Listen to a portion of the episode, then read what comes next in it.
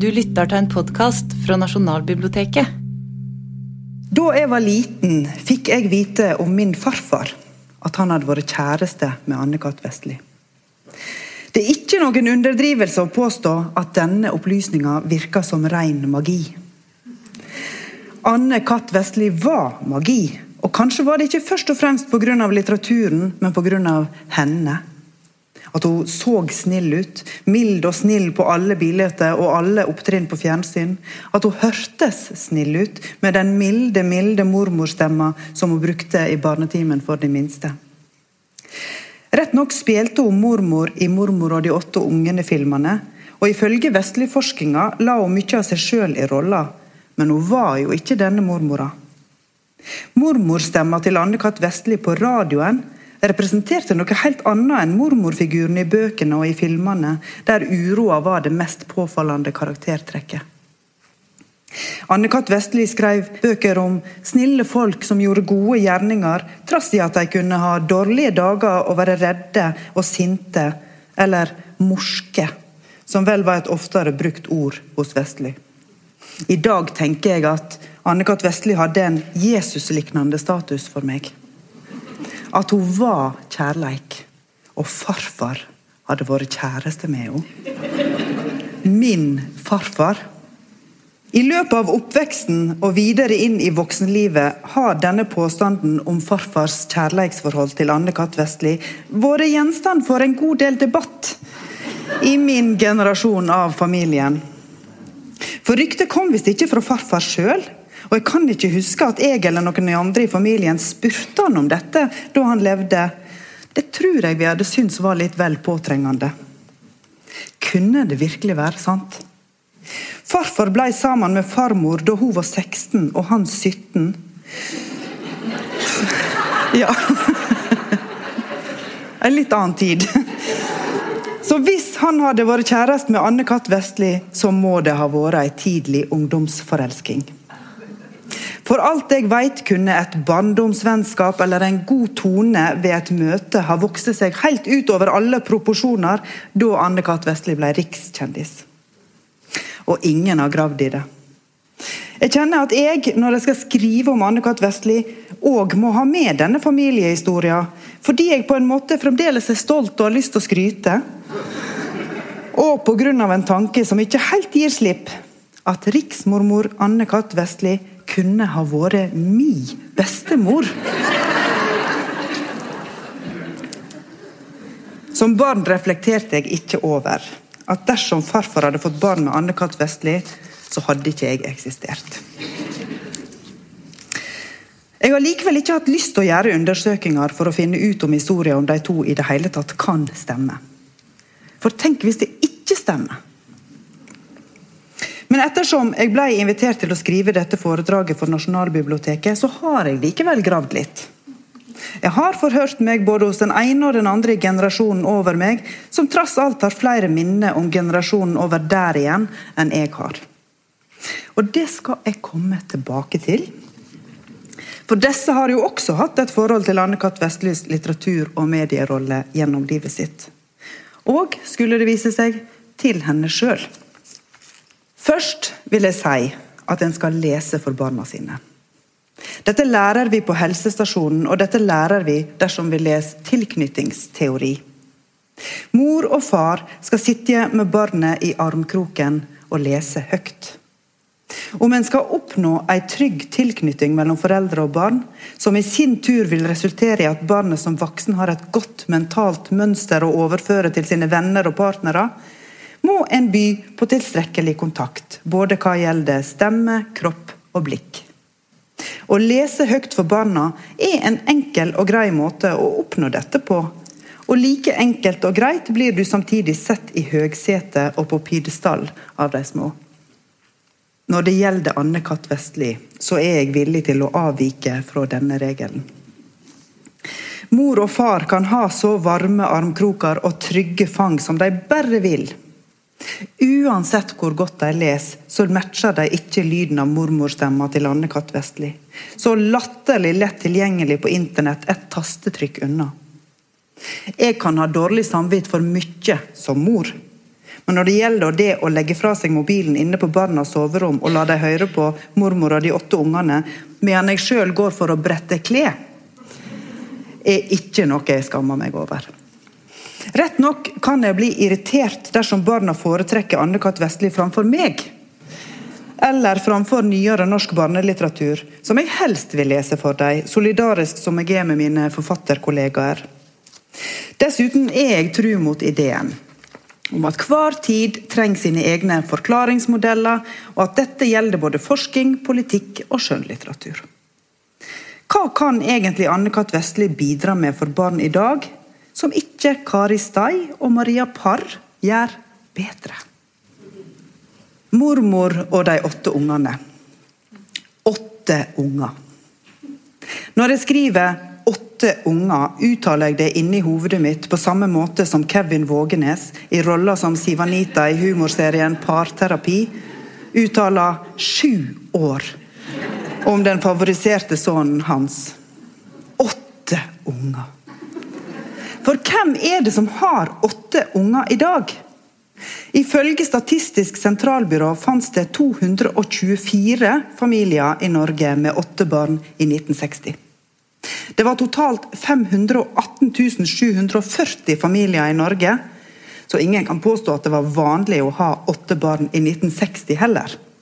Men det var 0,05% mot 0,01% nå. Det finnes 79 åttebarnsfamilier i Norge i dag, av totalt 632 836 familier. Uvanlig nå og uvanlig da må det gå an å konkludere med, selv om det var litt vanligere da bøkene om mormor og de åtte ungene ble skrevet, enn hva det er nå. Sjøl har jeg vokst opp i en familie med fem barn, der jeg var nest eldste søster i flokken. Min mor hadde også fire søsken, og hennes foreldre hadde begge vokst opp i søskenflokker på åtte barn. Hos naboen var det åtte barn, og i bygda mi var det mer uvanlig å være ett eller to barn i familien enn å være fire, fem og seks. Hvordan dette ligger an nå for tida, vet jeg ikke sikkert, men jeg vet at det er svært få barn på Grendaskolen nå, og at flere grendaskoler i kommunen er nedlagte. Og vi vet alle at tallet på barn per kvinne går drastisk ned. I fjor hadde vi de laveste fruktbarhetstallene noensinne, med 1,56 barn per kvinne. I 1960 var tilsvarende tall 2,85. Så hva skjedde? Det fins ett opplagt svar, men i et foredrag om barnelitteratur kjennes det lite passende å nevne abortlova som kom i 1976. For selv om Anne-Kat. Vestli terga på seg hundrevis av lyttere da hun forklarte i barnetimen hvordan barn ble til, er det vanskelig å se for seg at hun skulle ha skrevet en barnebok om noe så omstridt som abort. I dag kan Anna Fiske lage svært direkte illustrasjoner i en bok om hvordan en lager barn, men vi har fremdeles til gode å se noe barnebok om prevensjon og abort. Heldigvis, våger jeg meg frampå å si. Selv om ingen vet om det som kjennes overskridende i dag, kan være innafor i morgen. Anne-Kat. Vestli visste nok at hun provoserte da hun røpte hvordan barn virkelig ble skapte, uansett hvor mild og snill ei mormor hun faktisk var. I nyttårstala si for 2019 oppfordra Erna Solberg norske kvinner til å få flere barn. Våren 2019 inviterte hun KrF i regjering på en lovnad om innstramming i abortlova. I mai samme år gikk jeg og hørte på et foredrag av professor Anne Eskil, som snakka om hvordan fødselstallet har fallet dramatisk, ikke bare i Norge, men i hele verden. I en kronikk i Aftenposten fra 5.6.2018 skrev hun at det i 1960 var 20% av norske kvinner som fikk fire eller flere barn, medan tilsvarende tall fra i dag er 6 i kronikken og i foredraget tok Eskil til orde for at ettersom det er så mange kvinner som ikke får barn, bør de som får mange, få bedre vilkår økonomisk for jobben de gjør med å holde folketallet i Norge oppe. Det er krevende å gå gravid, og det er krevende å oppdra store barneflokker. Det er ikke alltid mulig å oppdra store barneflokker samtidig som en er i jobb. I alle fall ikke i full jobb. Og dette visste jo kvinnene som utvikla familiepolitikken på 70-tallet. Jens Stoltenberg hadde en annen tilnærming enn Solberg da han var statsminister.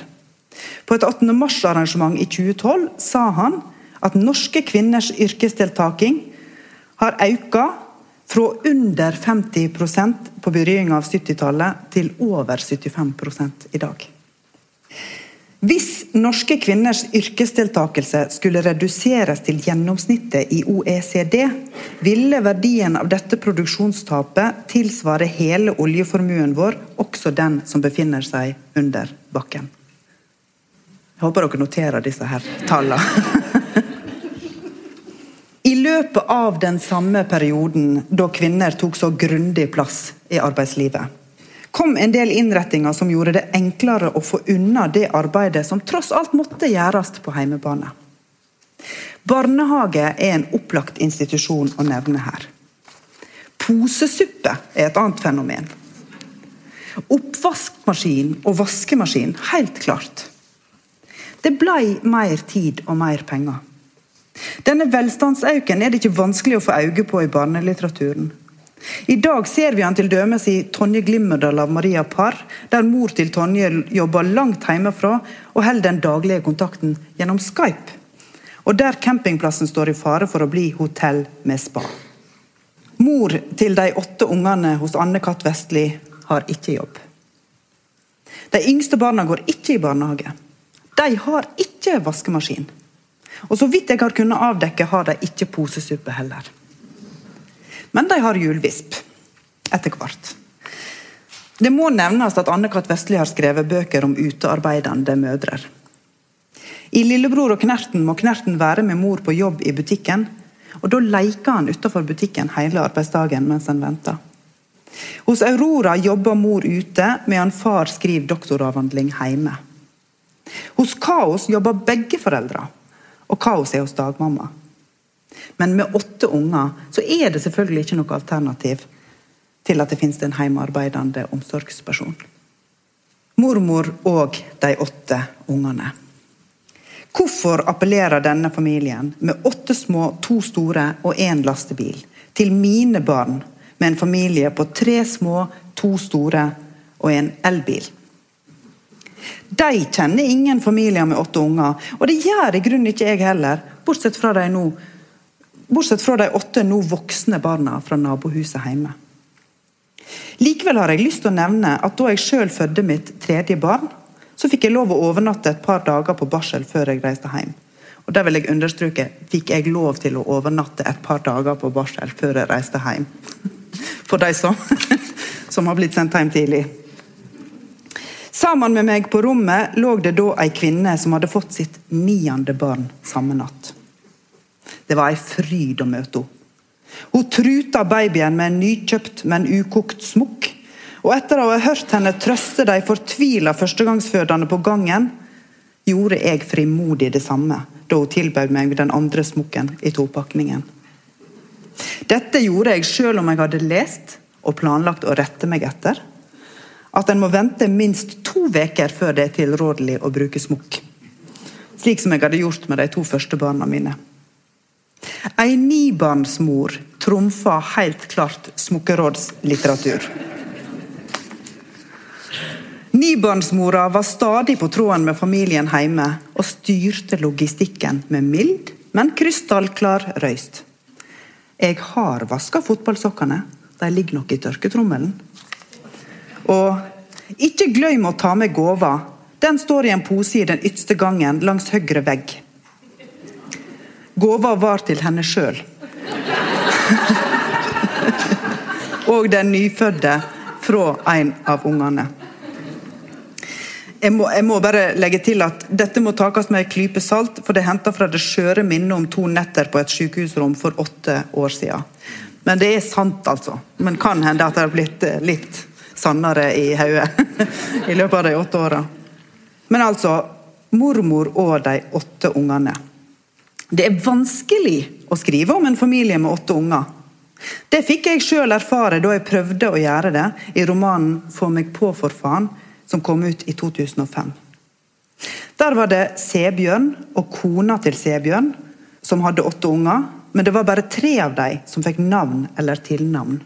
Og Da hette de Maria, den nest eldste dattera til Sebjørn og den radikale dattera til Sebjørn. De fem yngste var skygger i bakgrunnen. Så hvorfor det måtte være åtte, er ikke helt enkelt å si. Kanskje bortsett fra at det var viktig at kona til Sebjørn var heimeværende. Jeg tillater meg to sitat fra boka. Det første er en krangel mellom Sebjørn og kona. 'Kona til Sebjørn', sa han. Og Da reiste hun seg opp i senga, hytta med pekefingeren og kveste i. 'Du skal passe deg! Nå skal du faen ta meg passe deg!' En forferda Sebjørn gikk ut på kjøkkenet og åt frokost. Da han hadde ete, gikk han inn igjen på soverommet. Han brølte. 'Hvem er det som fører på deg og de åtte ungene dine?' Kona til Sebjørn reiste seg opp i sittende stilling og svarte. Hvem er det som har omsorg for deg og de åtte ungene dine? Det jeg gjør, er viktigere enn det du gjør, sa de i kor. Likevel klarte jeg bare å fortelle om de tre eldste. De fem yngste måtte til slutt ta til takke med en liten epilog. Og den er sånn Epilog for skuggebarn. De fem danser mykjeseiende på kjellergulvet. En lem blir lukka over hovedet på dem. Det blir mørkt. Der fikk de bli. Jeg kom aldri tilbake til dem. For meg blei åtte unger en altfor stor flokk og skulle utstyre med personligdom og karakteristikum. Anne-Kat. Vestli har da også måttet gjøre et grundig poeng av hva hvert enkelt barn heter. Lage ei regle av det med åtte navn på M, som med hver nevning blir utstyrt med barnets alder. Slik blir de introdusert i starten av første bok. Da mor og far og ungene var ute gikk, så det nesten ut som et lite opptog. Mange mennesker stanset mor og spurte er det deres barn alle sammen. Ja da, svarte mor og smilte stolt. Det er det så visst. Så begynte folk å spørre ungene hva de het, og hvor gamle de var. Og derfor ventet ungene seg til å si både navnet og alderen med det samme. Det gjorde de så ofte at de slutt kalte hverandre sånn hjemme også. Og det er jo veldig greit for oss, så husker vi hvor gamle de er. Det var Maren 12, Martin 10, Martin 9, Mats 8, Mona 6, Millie 5, Mina 4, Morten minstemann 2. Men han hadde så langt navn fra før at det var sjelden de tok med det totallet. Det var veldig lurt. Da mine barn begynte å høre historien om mormor og de åtte ungene på lydbok, så gjentok de stadig denne regla. Gjenfortalte med stjerner i øynene hva disse barna het, og hvor gamle de var. Omtrent på denne tida mente mitt yngste barn at mannen min burde få en ekstra kjæreste, slik at vi hadde god nok kapasitet i familien til å utvide barneflokken. Det ble ikke noe av det, altså. Sjøl merka jeg da jeg begynte å lese i anledning dette foredraget, at de færreste av barna festa seg som annet enn ett av barna på M, bortsett fra Morten minstemann, som har den sterkeste personligheten av de åtte. Med sine raseriutbrudd, sine rampestreker og sine ytringer uten R. Den henger altfor høyt, sier han til døme som gjøkuret de skaffer seg til å henge på veggen.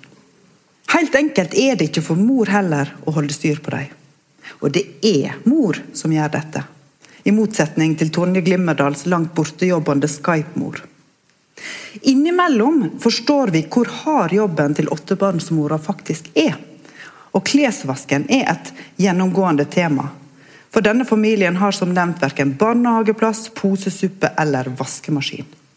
I 'Mormor og de åtte ungene i skogen', som er andre bok i serien, der familien har flytta ut fra ett rom og kjøkken i byen til et hus med mange rom i skogen, er hovedtematikken hvordan barna leker i naturen til alle årstider.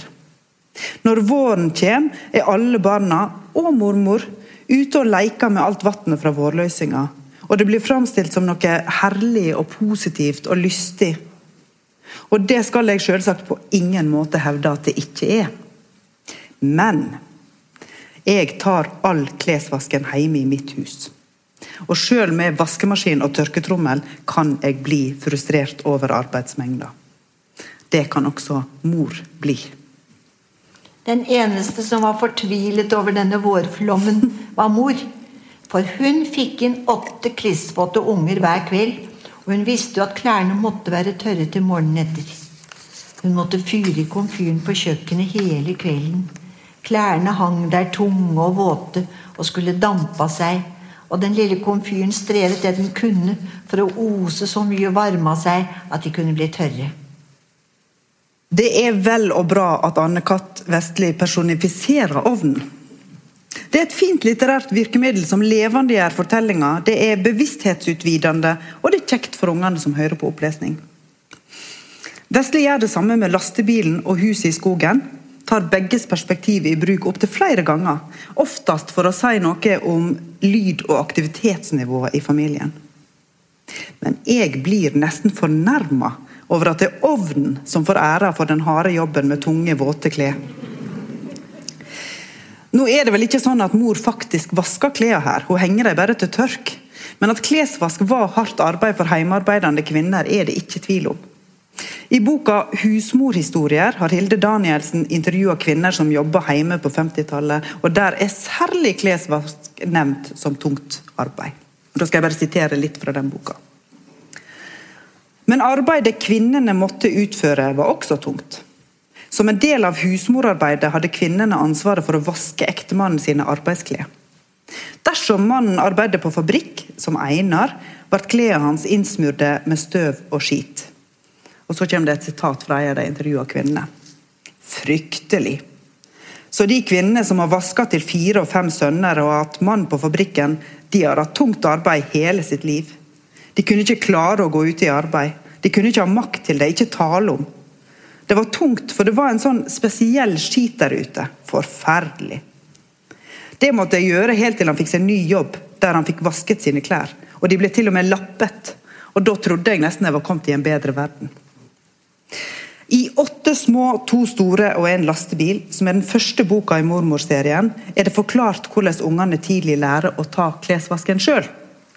Og kanskje er det, særlig sett i lys av Hilde Danielsens bok om husmødre i Odda på 50-tallet, ei i overkant idylliserende framstilling. Men én ting eide de alle sammen og slapp å arbeide hverandre.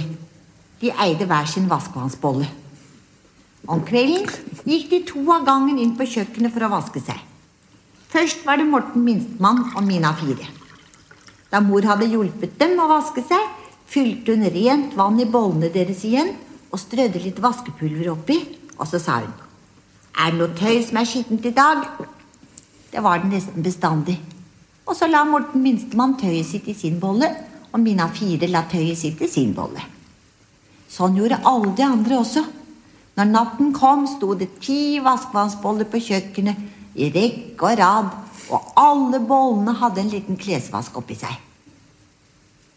Tidlig neste morgen slo mor varmt vann over tøyet, og så vasket alle sammen så godt de kunne. Mor hjalp dem litt og kom med skyllevann. Og så hang hun det våte tøyet på klessnoren som gikk fra deres vindu over til huset ved siden av.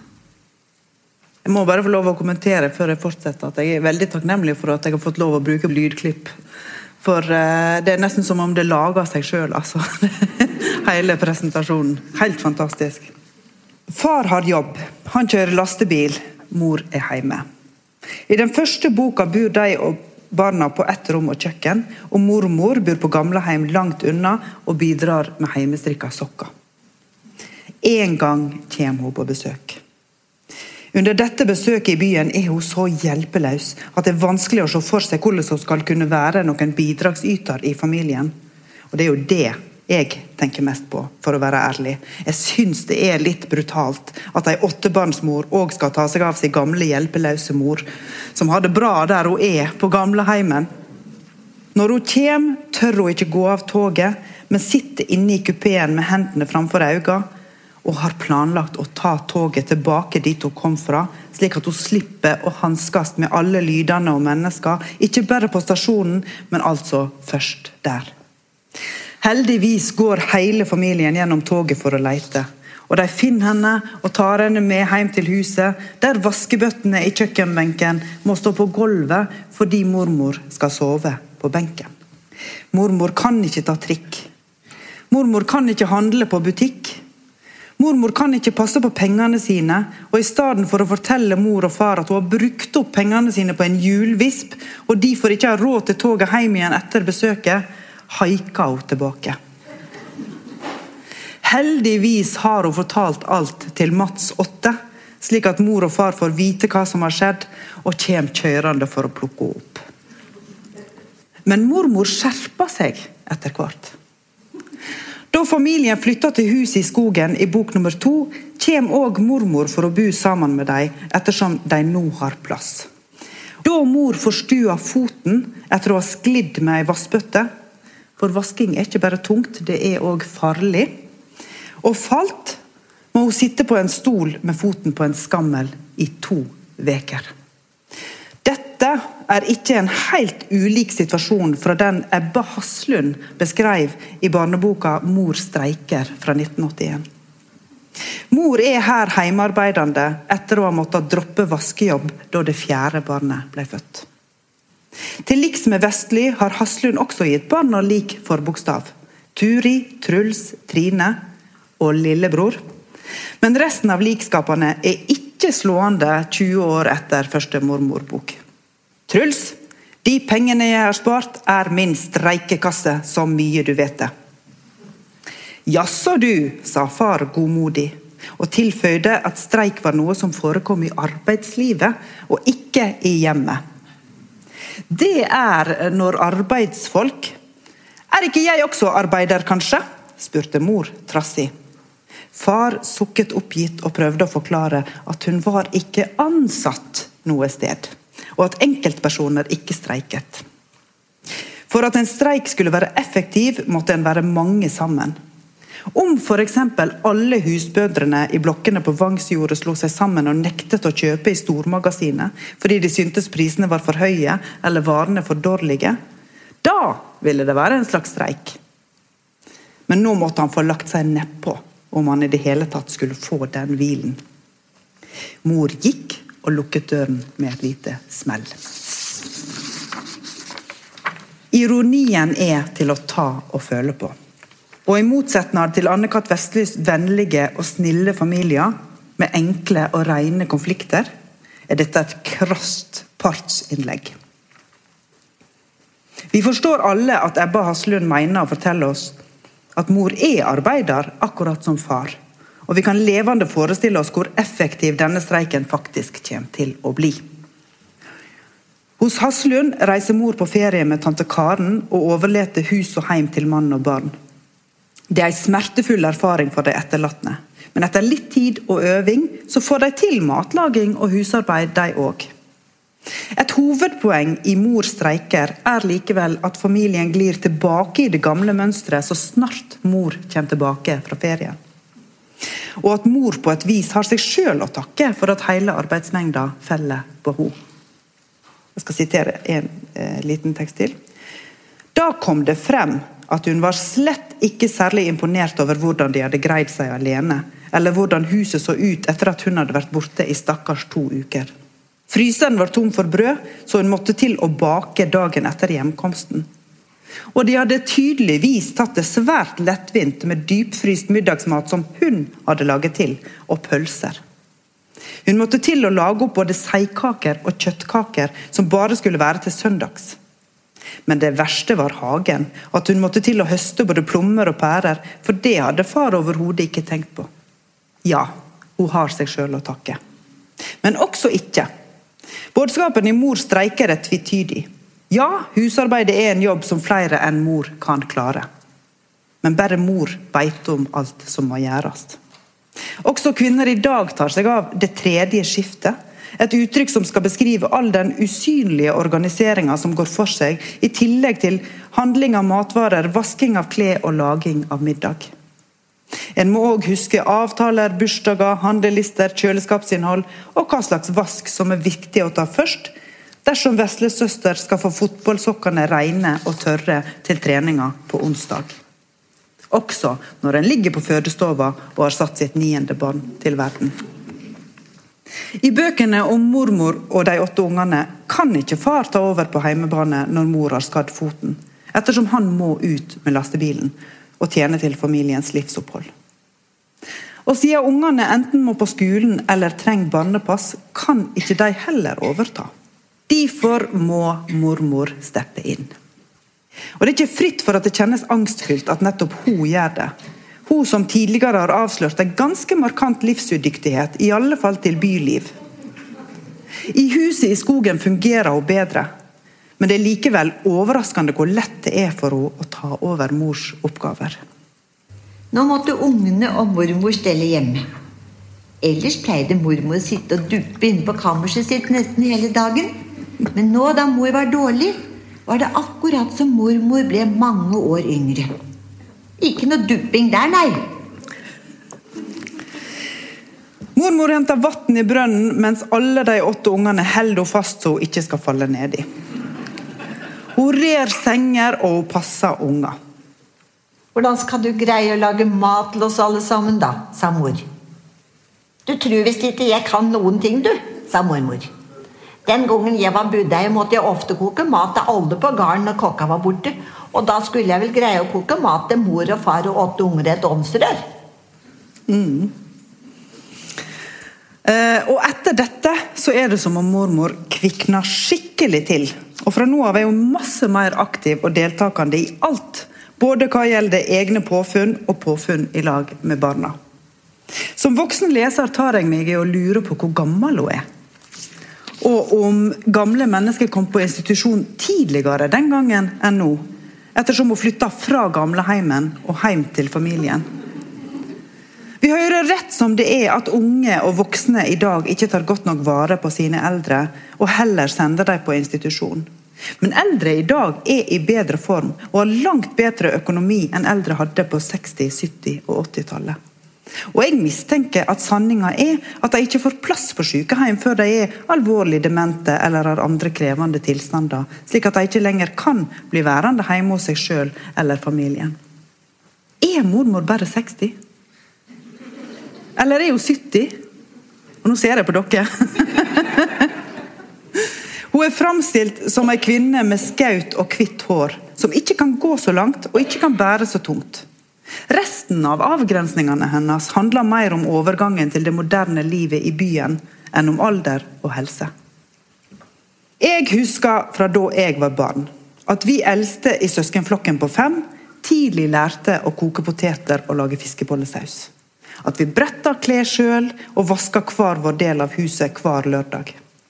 Vi bytta bleier på de yngste barna, trilla tur med barnevogn og passa på unger. Jeg kan til og med huske hvordan jeg satt sammen med min yngste søster og las for henne på sengekanten. Jo eldre hun blei, jo mer gikk oppgaven min over til å bli lesetrening for henne. Og jeg husker hvordan vi stamma oss gjennom side etter side der vi las annethvert ord. I familien med de åtte ungene er det en forutsetning at de eldste hjelper til. Og det gjelder særlig barnepass. Da familien reiser på sommerferie til en stad nær et vann, vil Morten minstemann helst bade hele tida. Og familien må bytte på å passe på at han ikke springer ut i vannet. Det er nøye beskrevet hvordan de deler dagen inn i ulike vakter, der to og to barn har ansvaret hver sine timer. Og at Maren Toll slipper unna dette ansvaret fordi hun har begynt å ha andre oppgaver. Maren Toll var ikke barnepike i det hele tatt, hun hjalp mor å lage maten. Far vasket opp både etter frokost og etter middag. På den måten hadde alle litt arbeid, men ikke mer enn at de hadde masser av tid til å gå rundt og kose seg.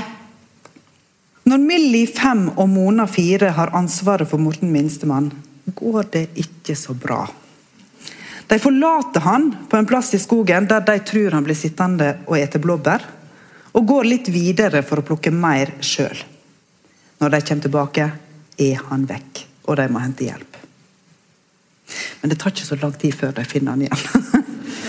og da han blir funnet, så ligger han og plasker i en søledam.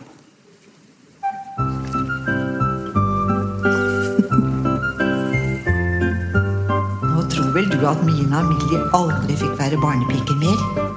Jo da, det var nettopp det de fikk.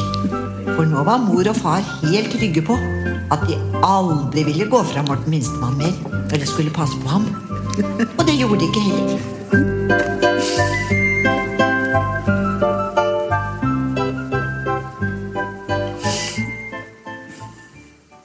Her var det bare å ta ansvar. Både for sine handlinger og for hverandre. Og jeg er ikke direkte uenig i mor og far sin vurdering her. Men jeg ser ikke helt for meg at jeg hadde gitt denne tilliten til mine egne barn da de var på samme alder. Selv om jeg altså lagde fiskebollesaus på ovnen hjemme uten voksne til stede da jeg var ni. Både mormor og Morten Minstemann er i de tre første bøkene litt raringer som trives godt i eget selskap. Første gang mormor kommer til byen og besøker familien, så bruker hun masse av tida på å sitte og se ut av vinduet. Hun er så og nå skal jeg si et litt dumt uttrykk sosialt inkompetent, for å si det på en moderne måte, at hun ikke tør å si fra om at hun fryser etter at Morten Minstemann har fjerna alle mosedottene som var festa i sprekkene og fungerte som isolasjon i huset i skogen. Isteden later hun som hun er trøtt. Hun gjesper og strekker seg og sier at hun vil gå til køys. Når det viser seg at Morten har fjerna mosedottene på kammerset hennes òg, slik at det er like kaldt der, så blir hun stående hjelpeløs i døråpninga uten å vite hvordan hun skal komme seg ut av situasjonen. Litt senere tuslet mormor inn på kammerset sitt. Hun torde ikke si det høyt, men nå var det så kaldt på det store kjøkkenet at hun ikke orket å være der mer. Hun lot bare som hun var veldig trett og ville gå og legge seg. Derfor gjespet hun i ett sett på veien mot døren sin. Å, som hun gledet seg til å komme inn på det gode, varme kammerset. Men mormor ble nok narret. For jammen var det isende kaldt der også. Nå visste hun ikke hva hun skulle gjøre. Hun ble stående i døren og riste på hodet. Stakkar. Det at Morten Minstemann har funnet seg denne aktiviteten, er ett av mange dømmer på at ungene styrer seg sjøl. Og det må de jo i en åttebarnsfamilie, der foreldre har mange oppgaver og plikter, og der barna må ta initiativ sjøl. Men Morten vet at han får skjenn og blir stoppa når han gjør slikt som dette. Altså å plukke mosedotter fra veggene, plukke fra hverandre ei vekkerklokke og springe ut i vannet. Men han gjør det likevel, styrt av ei indre undersøkingstrang som mange barnehage- og småskolepedagoger lengter etter å få gjøre mer bruk av i undervisning i dag.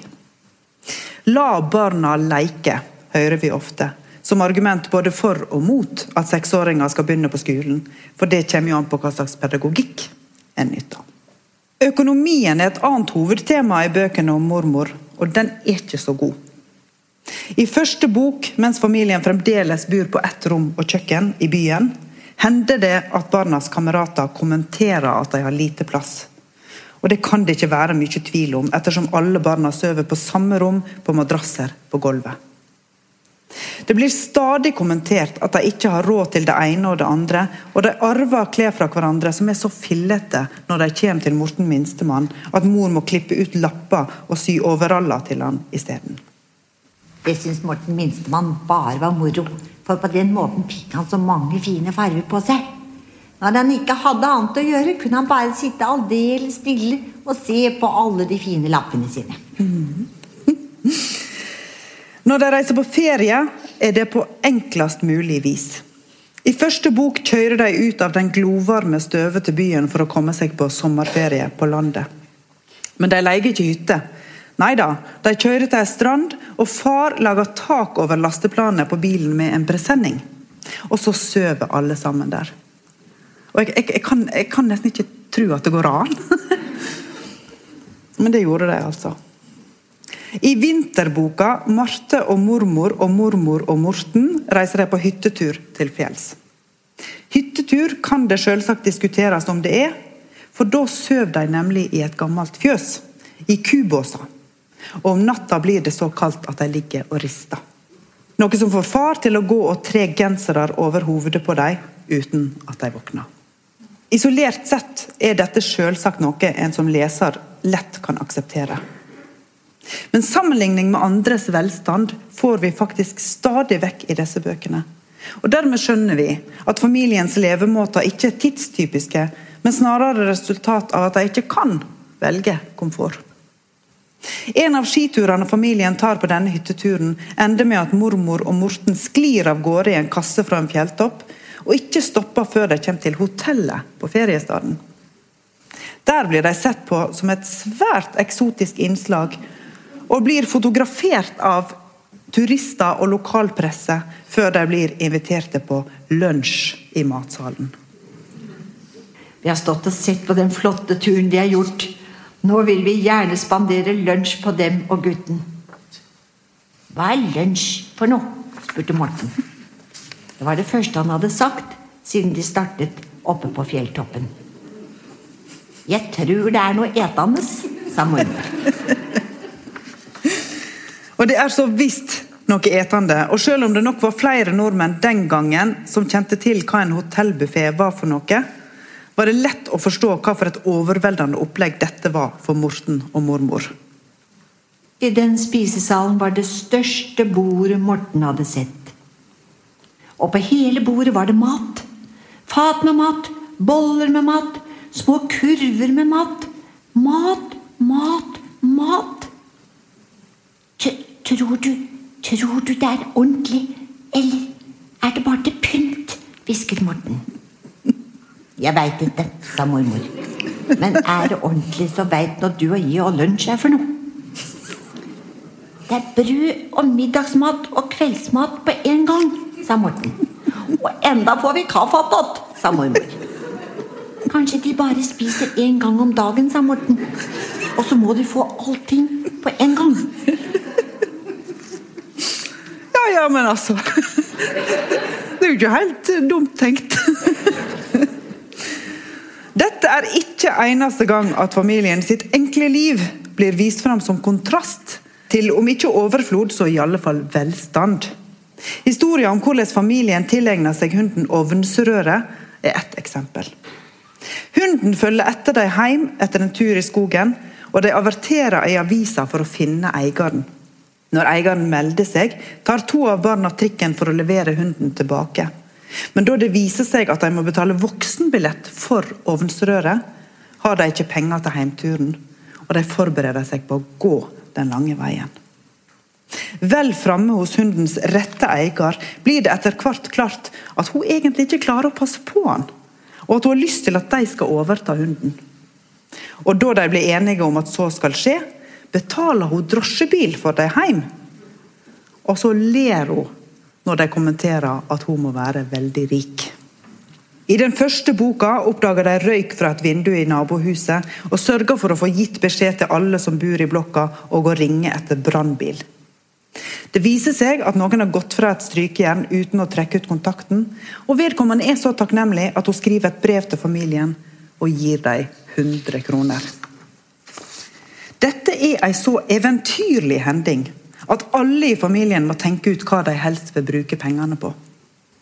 De tenker på gulvteppe og piano og andre fantastiske gjenstander.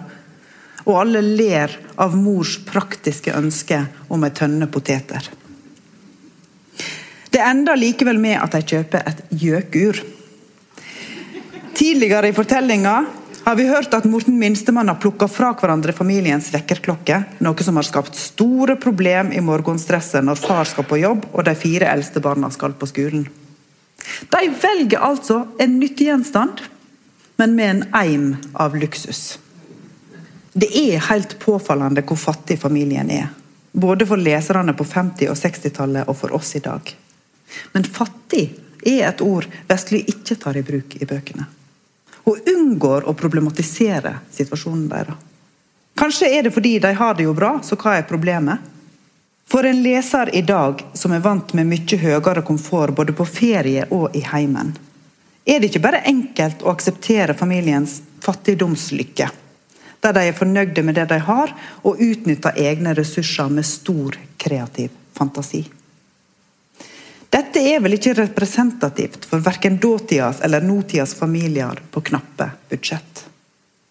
Nød lærer naken kvinne å spinne heter et uttrykk som jeg personlig har liten tro på. I alle fall tror jeg ikke på at det oppstår noe eget sett med superkrefter hos familier som møter mye motstand. Fattigdom fører til sykdom, depresjon og bekymringer.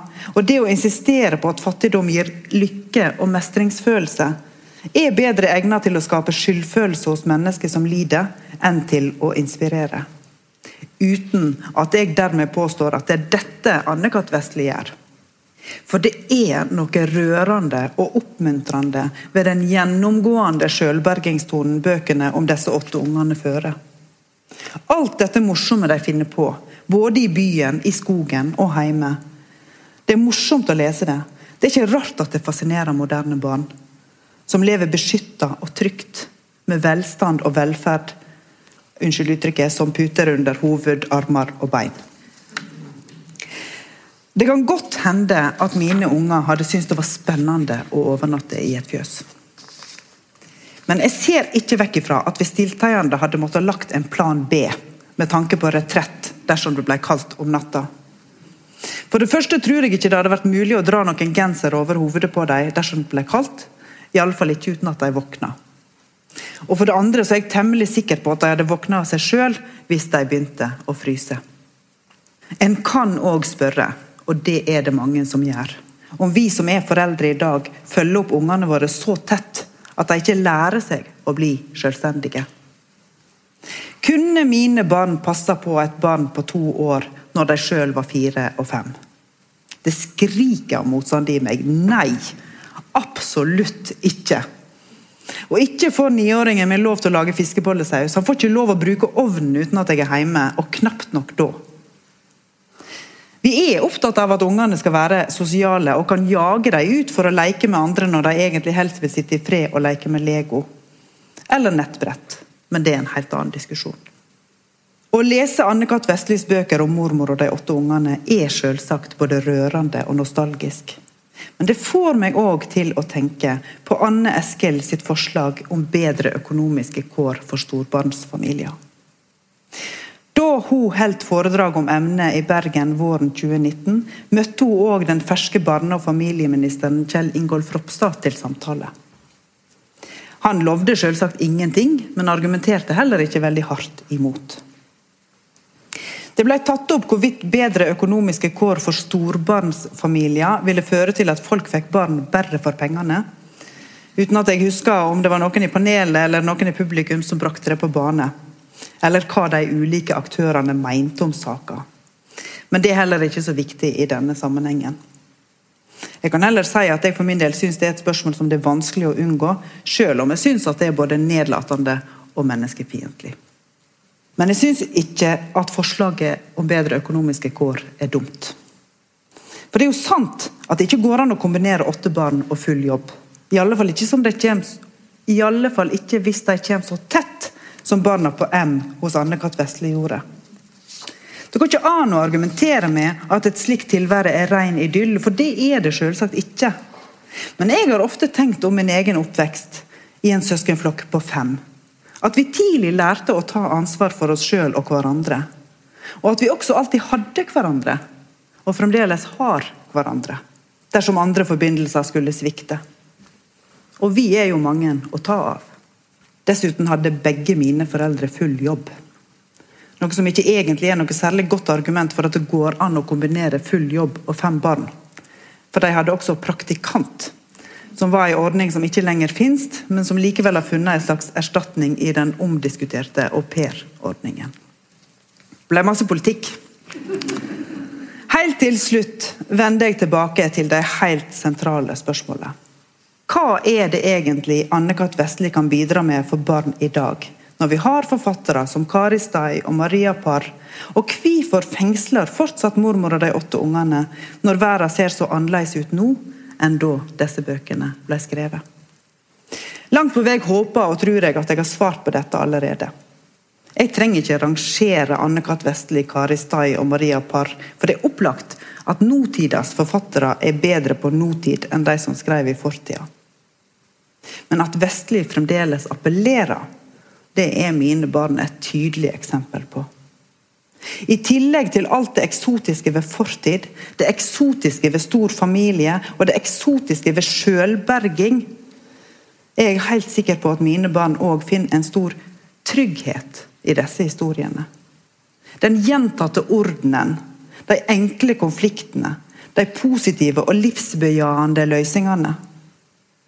Dessuten fins Mormor og de åtte ungene altså som lydbok, lett tilgjengelig, et tastetrykk unna på internett.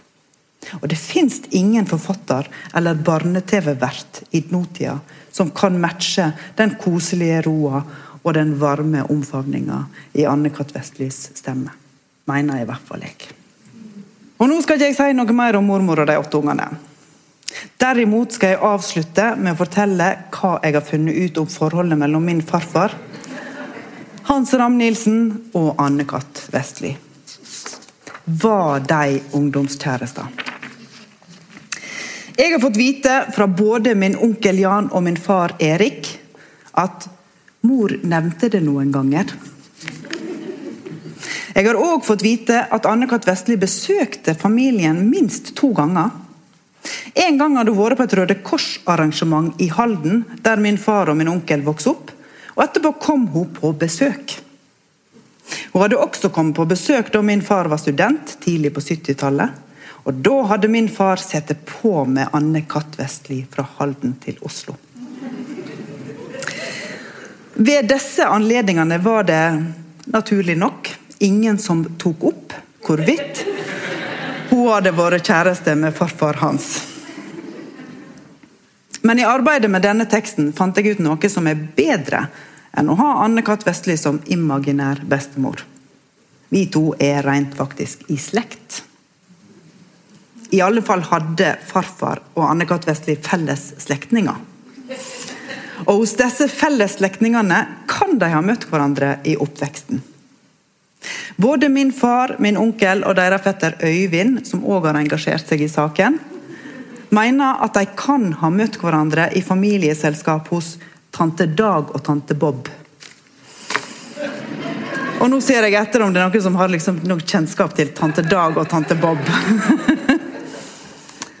Men lenger kommer vi jo ikke, noen av oss, i og med at generasjonen over der igjen ikke lenger lever.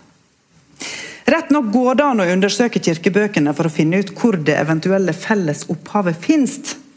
Men både fordi at jeg innser at det er et stort arbeid å oppsøke kirkebøkene, særlig etter at min onkel Jan har nevnt en rekke navn og forbindelser som allerede har gått i surr for meg, og har antyda at det kanskje ikke er noe felles opphav. Og fordi jeg er redd for at det skal vise seg at vi ikke er i slekt, så lar jeg det ligge og tenker heller at jo da, Anne-Kat. Vestli var farfars tremenning. Og kanskje kjæreste. Realitetene er ofte litt kjedeligere enn forestillingene. Og det gjelder både i slektsforskninga og i storbarnsfamiliene. Tusen takk for oppmerksomheten. Takk for meg.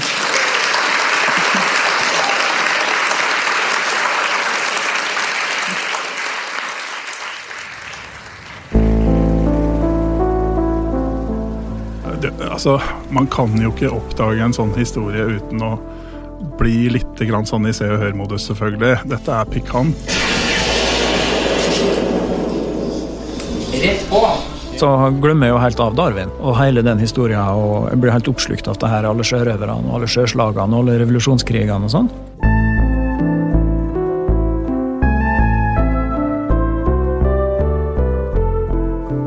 Samlingene til Nasjonalbiblioteket så finnes det spor etter et helt hav av dunkle drama og glemte liv fra Norges historie.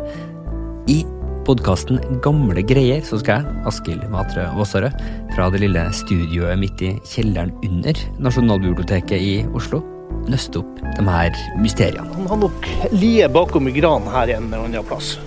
Og uh, skauta to av tyskerne. Og den tredje la på sprang inn i Jeg skal snakke med historikere og eksperter. Det er en voldsom kjærlighetshistorie, rett og slett. Men også når det finnes folkene som faktisk var til stede under de her spektakulære, men ofte glemte hendelsene. Nei, nei det, det, det, her, det, er ikke Jeg prøver ikke å selge noe. Jeg, jeg, har kommet over et hørespill, skjønner du. Følg med i podkaststrømmen din, så kommer det mer.